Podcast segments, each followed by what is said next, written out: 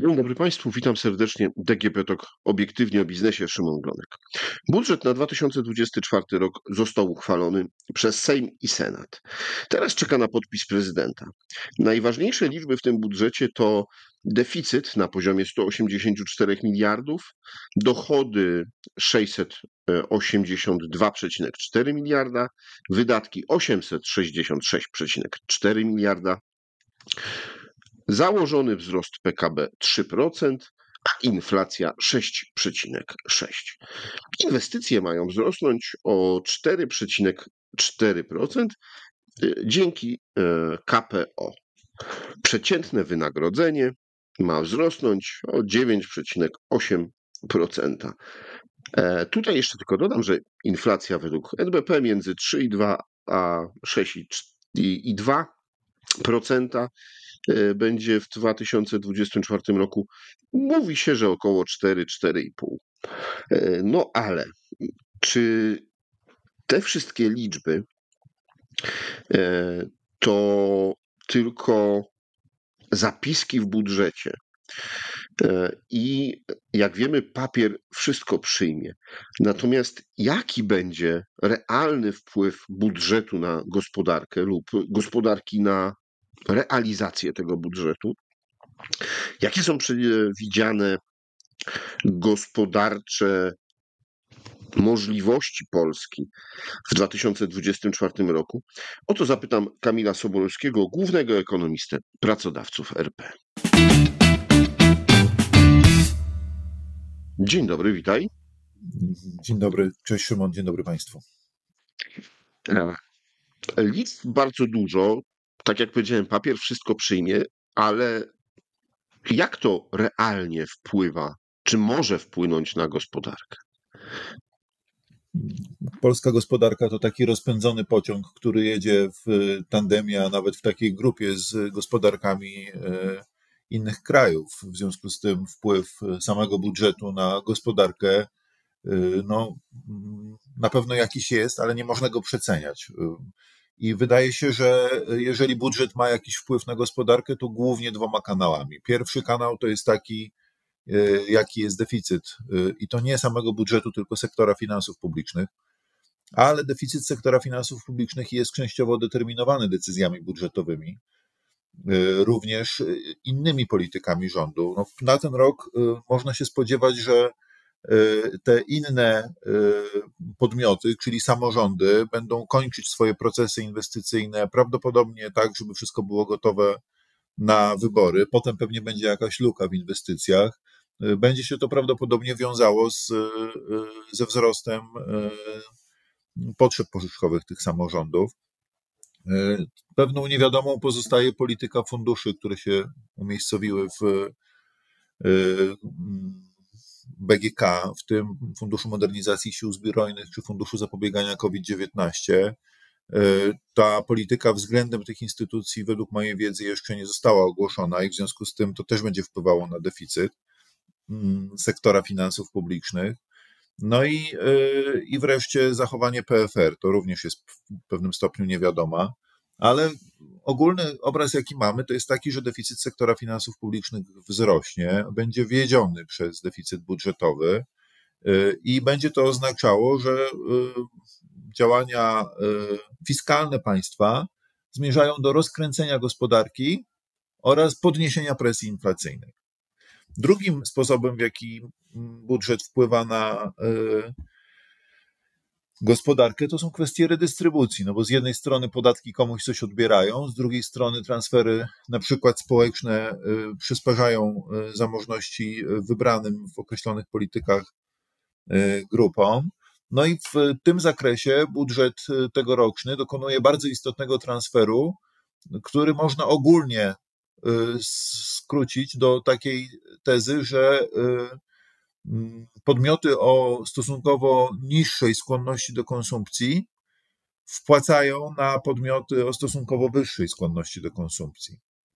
Mowa tutaj na przykład o podwyżkach y, płac w sferze budżetowej o 20%, o podwyżce płac y, nauczycieli od przedszkola do studiów wyższych y, o 30%, mowa o podniesieniu o 60% 500, podtrzymaniu waloryzacji rent i emerytur, szczodrej waloryzacji. Dzisiaj to już 800 plus.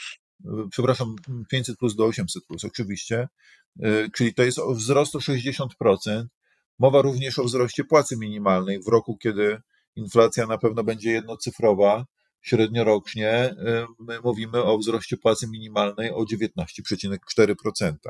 A zatem ten budżet w bardzo silnym stopniu w tych grupach dochodowych, w których y, dochody są relatywnie nisko, a odsetek wydawanego dochodu jest relatywnie wysoki, no, mm, zwiększają y, te, te dochody, powodując znowu, że pobudzona zostanie konsumpcja, a zmniejszone zostaną oszczędności i co za tym idzie inwestycje.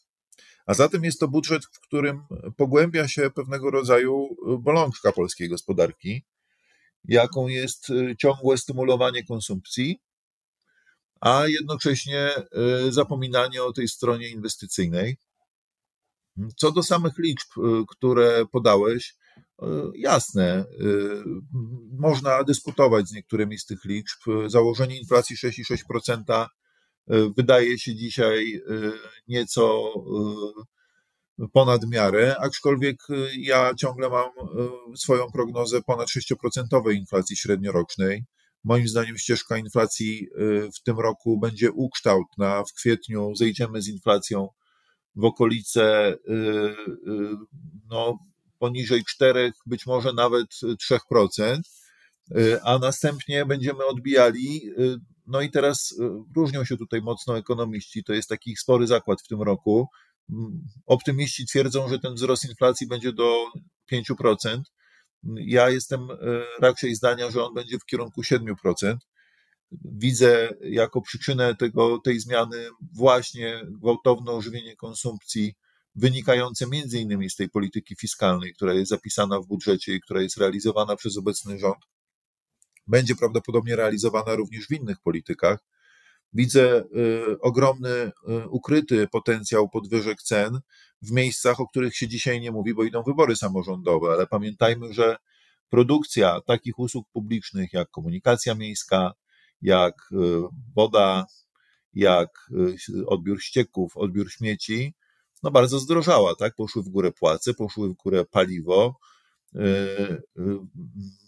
Natomiast, y, natomiast y, ceny od dłuższego czasu stoją w miejscu. Jeżeli kiedyś jest moment, żeby te ceny odmrozić, to pewnie mniej więcej w tym samym czasie, kiedy będziemy się pozbywać 5%, y, 0% VAT-u na żywność, czy, czy tej tarczy energetycznej, wtedy również pojawią się prawdopodobnie zwyżki takich pozostałych cen.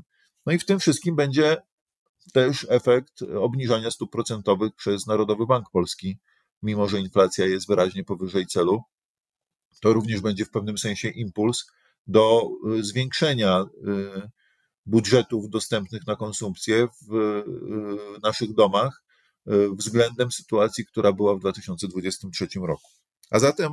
Zakładasz, rok... że Narodowy Bank Polski będzie obniżał w tym roku stopy procentowe? Moim zdaniem Narodowy Bank Polski w tym roku nie obniży stóp procentowych.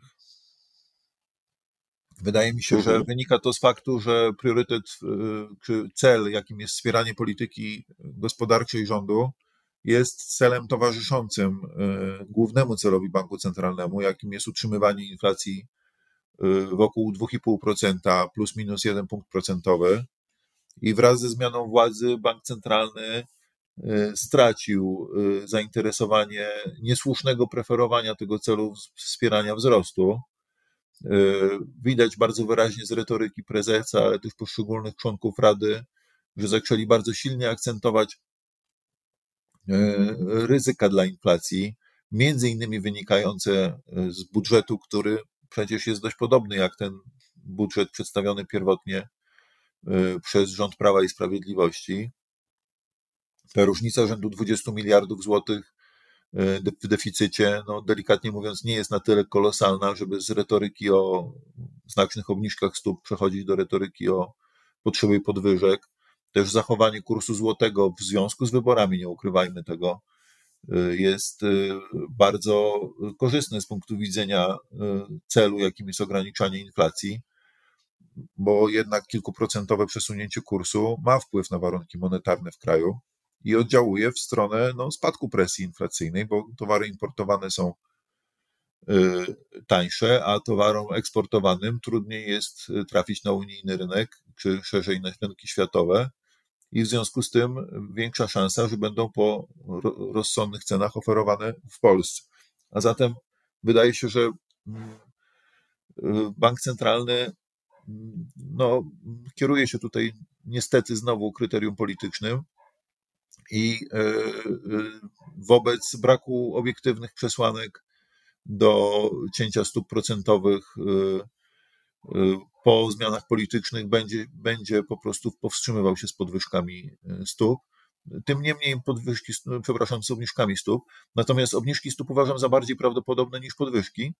I myślę, że szczególnie od drugiego kwartału one będą zależeć od y, napływających danych. To znaczy, jeżeli faktycznie byłoby tak, że ten dołek inflacyjny y, w, w marcu, kwietniu wypadłby poniżej 3%, albo gdyby było tak, że ta inflacja po wakacjach y, no, będzie się zachowywała bardzo powściągliwie, nie będzie rosnąć, co pozostaje przecież nie tylko pod wpływem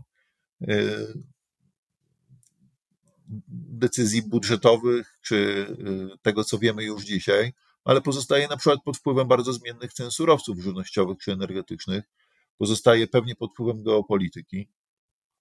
Więc gdyby tak było, że ta inflacja faktycznie wygląda na to, że skończy rok wyraźnie poniżej 5%, no to myślę, że wtedy Narodowy Bank Polski mógłby się wpisać w to, co będą robiły inne banki centralne, bo przypomnijmy, że i czeski, i węgierski bank centralny będą dość wyraźnie cięły stopy. Rynki finansowe oczekują również, że Europejski Bank Centralny i FED rozpoczną swoje cykle obniżania stóp procentowych w tym roku. A zatem e, no, e, mm, obniżki stóp w 2024 roku w Polsce wpisywałyby się w trend globalny i raczej ten e, postulat, czy ta moja teza, że obniżki stóp procentowych w Polsce w tym roku się nie odbędą, prowadziłyby do takiej obserwacji, że jesteśmy krajem w jakimś sensie wyjątkowym. Tutaj już e, byliśmy krajem nieraz e, wyjątkowym, bo wszyscy podnosili, a myśmy się zdecydowali albo trzymać e, na bardzo niskiej, na bardzo niskim poziomie stopy procentowe, albo w, obniżać, kiedy Fed nadal mówił podnosimy. Ale wracając do tych założeń geopolitycznych, no w tym roku czekają nas podwójne wybory w Polsce, bo mamy i wybory samorządowe, o których wspomniałeś a później wybory e, do Europarlamentu, ale mamy też kluczowe geopolitycznie dla całego świata wybory w Stanach Zjednoczonych. E, jak to, jak te wszystkie zawirowania polityczne mogą wpłynąć na gospodarkę? No to jest, y, wydaje się, pytanie mm, chyba najważniejsze, na które y, nikt nie zna takiej precyzyjnej odpowiedzi. Możemy tylko y, robić analizę scenariuszową, bo wydaje się, że globalna gospodarka, choć raczej zwalnia w ciągu ostatnich lat, bo wzrost w 2022 roku był minimalnie powyżej 3%, w 2023 roku jest globalnie w okolicach 3%, a w 2024 roku ma być lekko poniżej 3%. Więc mamy taką tendencję lekkiego zwalniania tej światowej gospodarki. Jednakże wobec obaw, które mogły pojawiać się właśnie wokół tematów geopolitycznych, czy wcześniej wokół pandemii, no to ta odporność y, okrętu, jakim jest y, nasz, y, nasza globalna gospodarka, okazała się wyjątkowo mocna. I z tego też można wnioskować, że y, no, ogromne szoki jesteśmy w stanie jako, jako, jako glob znieść y, z bardzo niewielkim wpływem na y, agregat, a być może tylko z pewnymi szokami, które występują lokalnie. Natomiast geopolityka w wydaniu tego, co się dzieje ze Stanami Zjednoczonymi, a nie tego, co się dzieje w Jemenie, Izraelu y, czy, na, na, czy w Ukrainie, to już nie jest geopolityka, która kształtuje relacje y, lokalne, tylko y, globalne. I to bardzo poważna sprawa. Mamy jakby dwa wymiary tej amerykańskiej historii geopolitycznej. Jedna to jest wpływ na taki ogólny porządek światowy, no bo o wypowiedzi Donalda Trumpa, o których się mówi, na przykład o tym, że Angeli Merkel powiedział, że nie wsparłby Europy, gdyby Rosja napadła militarnie na któryś z krajów Unii Europejskiej i że NATO to jest w zasadzie przeżytek. No, wskazują, że filary y, bezpieczeństwa czy stabilności geopolitycznej, w szczególności w naszym regionie, Mm, mogą być podcięte w zależności od y, wyborów y, politycznych Amerykanów. No, z drugiej strony mamy tą y, nieustającą rywalizację amerykańsko-chińską, w której konflikt rosyjsko-ukraiński można traktować jako pewnego rodzaju emanację tej, y, tego napięcia y, na wyższym poziomie między dwoma y, ogromnymi potęgami. No i do tej pory wydawało się, że jest to taka droga jednokierunkowa dla tej relacji amerykańsko-chińskiej, która prowadzi nas do takiego pęknięcia świata na pół, dlatego że każdy kraj, który chciałby stać po środku i mieć dobre relacje i z jednymi, i z drugimi, prędzej czy później y, będzie musiał zadeklarować, czy jest gotów na przykład y, pokazać Chińczykom technologie, które Amerykanie próbują przed nimi ukryć, czy też będzie dla Chin pod tym względem zamknięty. Czy y, jest gotów zrezygnować z importu określonych dóbr z Chin, czy też będzie próbował być taką bramą, przez którą do zamkniętego bloku zachodniego, skupionego wokół Ameryki, towary chińskie będą wjeżdżać y, do y, y, jakby tworząc konkurencję, której Zachód nie jest w stanie wytrzymać. A zatem, a zatem taka polaryzacja świata, która powoli postępuje, postępuje w zasadzie jednokierunkowo od 2017 roku, przy czym pandemia była takim momentem, kiedy na chwilę o tym zapomnieliśmy. No to jest drugi wymiar tej geopolityki. I myślę, że y, wybory prezydenckie w Stanach Zjednoczonych mają y, niewielki potencjał zmienić ten kierunek y, w drugim wymiarze, czyli w tym, w tym konflikcie amerykańsko-chińskim. Pamiętam z rozmów podczas spotkania Międzynarodowego Funduszu Walutowego i Banku Światowego w Waszyngtonie, wypowiedzi y, tamtejszych polityków o tym, że zarówno w grupie republikanów, jak i demokratów poparcie dla ostrej linii wobec Chin to jest mniej więcej dwie trzecie, więc oni się pod tym względem nie różnią. Jest dwupartyjny konsensus, że tą retorykę i tą linię trzeba zaostrzać. Mamy szereg emanacji prawnych, y, programów gospodarczych, które mają, że tak powiem, realizować tą misję i wydaje się, że tutaj raczej nie należy oczekiwać jakichś zwrotów, ewentualnie jakiś, jakiegoś innego rozkładania akcentów, a bać się trzeba tego, że y, filary bezpieczeństwa, w szczególności w Europie, mogą zależeć od tego, jak zagłosują Amerykanie w wyborach, kierując się głównie czynnikami lokalnymi. No dobrze, to wróćmy do tych czynników lokalnych, o których trochę ty powiedziałeś. E, czyli sytuacja e, w Niemczech. Bo to jest polski główny partner handlowy. E, jakby w polityce nie było jakiej retoryki, czy pro, czy antyniemieckiej, no to gospodarka, przedsiębiorstwa tutaj e, na pewno bardzo mocno patrzą na to, co tam dzieje się i w polityce, i w gospodarce. Jakie z naszej perspektywy czy jaki wpływ może mieć gospodarka niemiecka, no i to, że ona ewidentnie zwolniła e, i nie wiadomo, czy w 2024 roku nabierze rozpędu, raczej nie. Tak, niemiecka gospodarka w zeszłym roku była w recesji. W tym roku e, ekonomiści jeszcze 2-3 tygodnie temu mieli ponad półprocentowy konsensus wzrostu. W tej chwili zostało z tego już tylko 0,3%.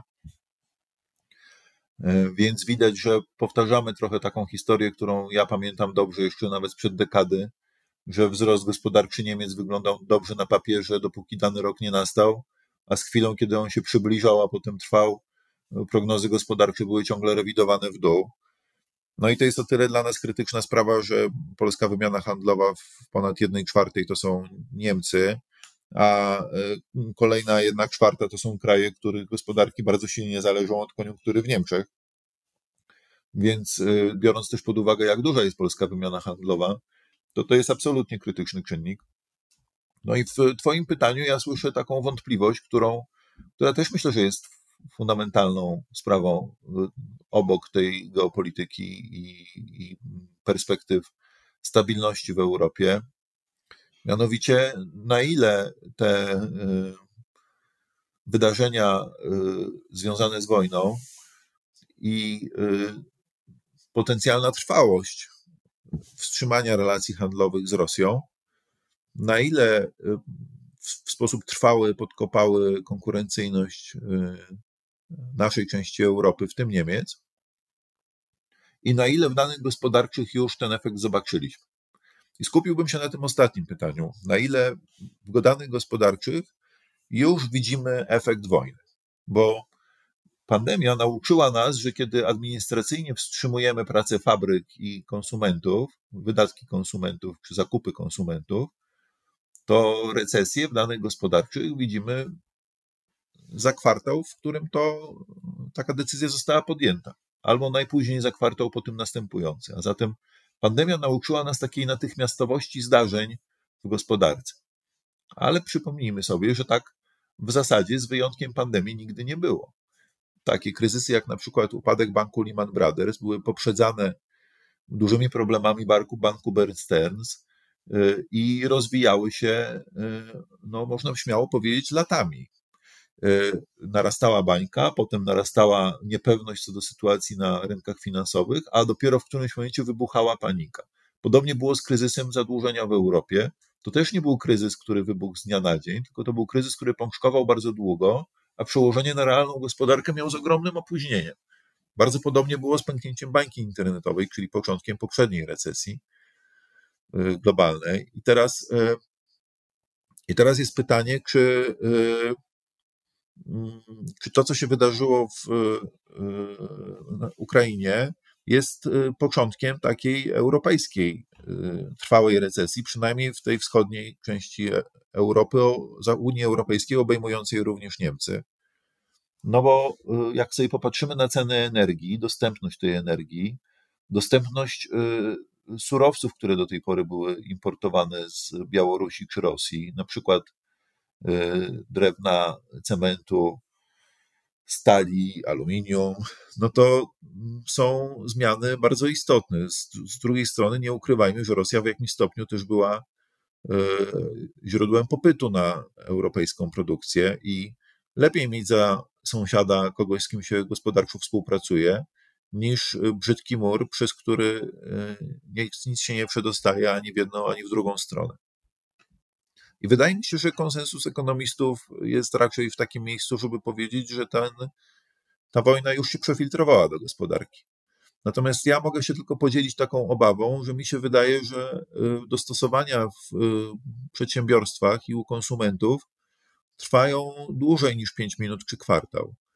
Pewne procesy y, decydowane są w cyklach rocznych decyzja o tym, żeby zmniejszyć skalę działalności, zawiesić działalność, zamknąć ją, czy przenieść z miejsca, gdzie ona funkcjonuje przez ostatnie 20 czy 30 lat, to nie są decyzje łatwe też z powodów y, psychologicznych, społecznych. I w związku z tym to nie jest tak, że natychmiast po tym, jak komplet bodźców, które powinny nas do tego skłonić, y, zaistnieje, to my podejmujemy właściwą decyzję. Często trwa to nieco dłużej. I teraz wydaje mi się, że z tego powodu y, taki pełny skutek tej wojny w Ukrainie i sankcji na Rosję, na gospodarkę Niemiec i y, w tym pośrednio Polski jest jeszcze przed nami. Oby to było tak, że 90% bólu już doświadczyliśmy i zostało 10, e, ale może to być też tak, że te efekty mnożnikowe, które się rozwijają wokół kondycji gospodarki, w szczególności niemieckiego przemysłu, że one będą w pewnym stopniu bardziej znaczące. Tak? I te, tego, tego tak naprawdę nikt nie wie. To jest wielka, druga wielka niewiadoma. Na to się nakładają takie regulacje, które Unia sobie sama narzuca, które na pewno nie pomagają tej konkurencyjności, no bo nie zwalnia tempo nakładania regulacji choćby klimatycznych. Nie wszystkie z nich są jednokierunkowo złe dla europejskiej gospodarki, bo na przykład taki podatek CEBAM może poprawiać konkurencyjność europejskiego przemysłu, w szczególności na rynkach lokalnych. Natomiast no, z, z, całą pewnością z perspektywy polskiej Niemcy nie będą źródłem ożywienia gospodarki w znacznej skali w tym roku. Tym źródłem będzie, będzie, Polska, będzie polski konsument, który dostał bardzo istotne zwiększenie dochodów. Te dochody pierwszy raz od dwóch lat rosną w kategoriach realnych. I to powinno wszystkich Polaków zachęcić do tego, żebyśmy kupowali więcej. I to wracamy do tego, co bardzo dobrze znamy w gospodarce. Do sytuacji, kiedy to my, konsumenci, będziemy napędzali e, polski wzrost gospodarczy. Tak, tylko warto powiedzieć, że polski wzrost gospodarczy, czy każdy wzrost gospodarczy ma dwa końce. One są oba równie ważne. Jeden to jest, czy ludzie chcą kupować. Jeżeli nie chcą kupować, to wzrostu gospodarczego nie ma a drugi to jest, czy mają co kupować. No bo jeżeli sobie wyobrazimy taką małą społeczność dziesięcioosobową, która wyjechała y, na bezludną wyspę, bez kontaktu ze światem, z dziesięcioma bochenkami chleba, to choćby oni zabrali ze sobą po 100 milionów dolarów każdy, to dalej nie skonsumują więcej niż te 10, te 10 bochenków chleba. No znaczy, to taka intuicja, którą wynosimy z domu i z budżetów domowych, dotycząca tego, że więcej pieniędzy do wydania oznacza większą gospodarkę czy większy dobrobyt, to jest intuicja błędna w kategoriach makro. Dlatego, że w kategoriach makro nie kupimy wszyscy razem wzięci więcej niż byliśmy w stanie wytworzyć. Do kupienia jest tylko to, co wyprodukowaliśmy. Towary i usługi, które zostały stworzone, to jest wszystko, co da się skonsumować. I same podbijanie popytu w gospodarce, co robimy od dekady, y, no, najpierw może skończyć się wzrostem importu. I to jest mój scenariusz na 2024 rok. To jest taki trochę lustrzany efekt tego, co było w latach 2022-2023, kiedy nasz import y, dóbr konsumpcyjnych y, malał, przynajmniej w tych kategoriach realnych, bo wiadomo, że jak paliwo było kilkukrotnie gaz czy mm, ropa droższe, no to y, to w wymiarze kwotowym on potrafił rosnąć, ale jednak mieliśmy taki efekt, że wraz ze hamującą konsumpcją Polaków, a przypomnijmy, że konsumpcja spadała, mimo że przyjechało do nas milion Ukraińców, więc to zaciskanie pasa w domach było naprawdę bolesne. To wraz z, tym, z tą spadającą konsumpcją e, bardzo wyraźnie poprawił nam się eksport netto. I to nie taką nogą, że więcej eksportowaliśmy, tylko głównie taką nogą, że mniej importowaliśmy. Teraz wydaje się, że będzie odwrotnie. Znaczy, skoro w polskiej gospodarce brakuje inwestycji, mamy stopę inwestycji 18%, a wcześniej 17%, podczas gdy Rumunia, Czechy, Węgry mają stopę inwestycji 25-28%, mimo że też ich dotknęła wojna i pandemia. To znaczy, że my tych, tych, tych, tych mocy produkcyjnych nie budujemy. I w związku z tym para w postaci zwiększonego popytu konsumenckiego w istotnej mierze pójdzie w gwizdek, jakim jest e, import, a nie w e, napędzanie kół gospodarczej lokomotywy polskiej, jakim byłoby zwiększanie mocy produkcyjnych e, firm, które u nas działają. I w krótkim okresie jest oczywiście możliwe, że my zwiększymy import, pojawi się deficyt na rachunku obrotów bieżących, a mimo to złoty będzie się umacniał, bo są kwestie polityczne, stabilnościowe. Y, y, nie wiem, odsuwamy zagrożenie związane właśnie z y, integralnością NATO, lepiej pracujemy w Unii Europejskiej, jesteśmy beneficjentami środków z KPO. Natomiast no, w dłuższym okresie, jeżeli importujemy więcej niż eksportujemy, to płacimy za to osłabieniem własnej waluty. I Y, jeżeli zdarza się taki efekt, no to wtedy ten, ta zwiększona konsumpcja po prostu poprzez y, deprecjację waluty lokalnej, czyli spadek wartości złotego oraz poprzez y, y, inflację w Polsce, ona się wyrównuje i chleb zaczyna kosztować 100 milionów dolarów sztuka, na tym, w tym naszym przykładzie wyspy, ale nie jesteśmy w stanie zjeść więcej niż 10 chlebów, bo po prostu więcej nie upiekliśmy. Tak? I wydaje mi się, że priorytet gospodarczy, który powinniśmy mieć w tym roku, choć on z pewnością nie zagra w danych gospodarczych za 2024 rok, to jest taki, żeby wreszcie obudzić te innowacje i inwestycje w Polsce. To są te dwa konie napędowe, które powinny y, ciągnąć naszą gospodarkę i od których zależy, czy pozostaniemy tygrysem globalnego wzrostu, a w szczególności wzrostu w Europie, czy przez kolejne 5, 10, 20 lat y, stracimy trwale tą pozycję i będziemy takim rozwojowym pariasem. To jest strasznie ważna sprawa. Choć, y, tak jak mówię, póki co idziemy w przeciwnym y, kierunku. Jednym słowem, jak Państwo słyszycie, nie da się jednoznacznie odpowiedzieć, czy gospodarczo 2024 e, będzie dla nas e, rokiem pozytywnym, e, czy nie do końca.